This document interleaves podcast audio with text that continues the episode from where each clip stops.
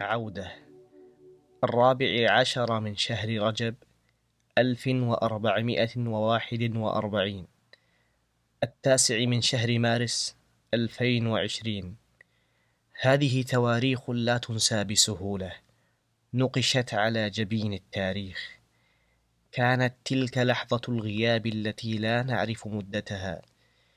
بداية الأزمة التي أربكت العالم كله. حملنا حقائبنا بفرح مغمور.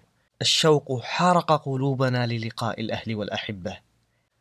ظنناه أسبوعا على تقديرنا أسبوعين في أسوأ الأحوال. خابت ظنوننا تلك المرة ومرات عديدة. طال الغياب كثيرا لنعود بعد سنة ونصف. وها نحن ذا بعد غياب طويل جدا. وشوق تجاوز حدود الوصف. مرة أخرى نقف هنا. نعم هنا نقف بكلتا أقدامنا ثم نصرخ في وجه البترول ونتغنى. وطن النجوم أنا هنا. حدق أتذكر من أنا؟ وإن كنت لا تذكريننا يا بترول فنحن نذكرك. وإن نسيتينا فإنا لم ننسك بعد. ثم عدنا والجامعة لم تتغير علينا كثيرا.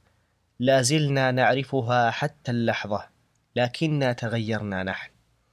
لا زال الحنين للبترول وأصحابها. لك الحمد يا ربي حمدا كثيرا.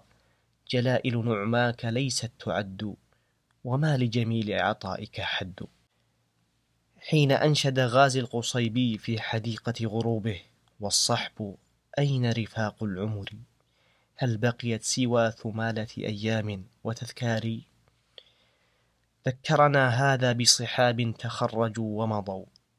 بدأنا مسيرنا معا أو تأخرنا قليلا عنهم.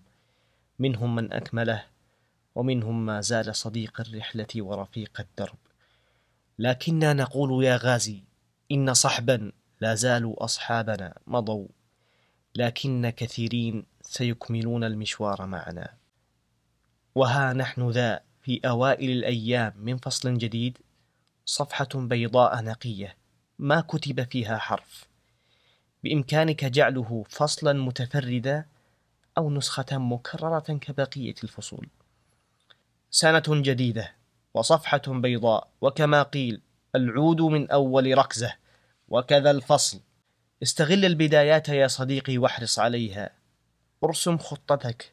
وضع أهدافا محددة ومعقولة. وإن كانت صعبة بعض الشيء. ثم اسعى لها ما استطعت. انظر لتجربة الفصول الماضية بعين الناقد. اعرف أخطاءك واحرص على ألا تتكرر. أما الإنسان فكائن ملول لا يمل من تكرار أخطائه. لا بد أن هناك أخطاء كررتها لكنك لا تلحظ هذا. انظر بنظرة فاحصة وقيم نفسك كل فترة واعلم أن أحب الأعمال أدومها وإن قل. وعلى بداية الفصل أوصيك بثلاث. الأولى توكل على الله واعتصم به واسأله التوفيق في كل أمورك. الثانية طلب المعالي صعب ولو كان سهلا لأدركه كل أحد. لولا المشقة ساد الناس كلهم. الثالثة تذكر النهايات الجميلة تنسيك ألم المسير. في الحديث ويؤتى بأشد الناس بؤسا في الدنيا من أهل الجنة. فيصبغ صبغة في الجنة. فيقال له يا ابن آدم هل رأيت بؤسا قط؟ هل مر بك شدة قط؟ فيقول لا والله ما مر بي بؤس قط ولا رأيت شدة قط. اللهم اجعل نهاياتنا جميلة في الدنيا والآخرة. يا رب إنا نسألك خير البدايات. وتسهيل الصعاب وحسن النهايات. نحن أبناء اليوم يا صديقي وإن كان للماضي فائدة فلأنه درس.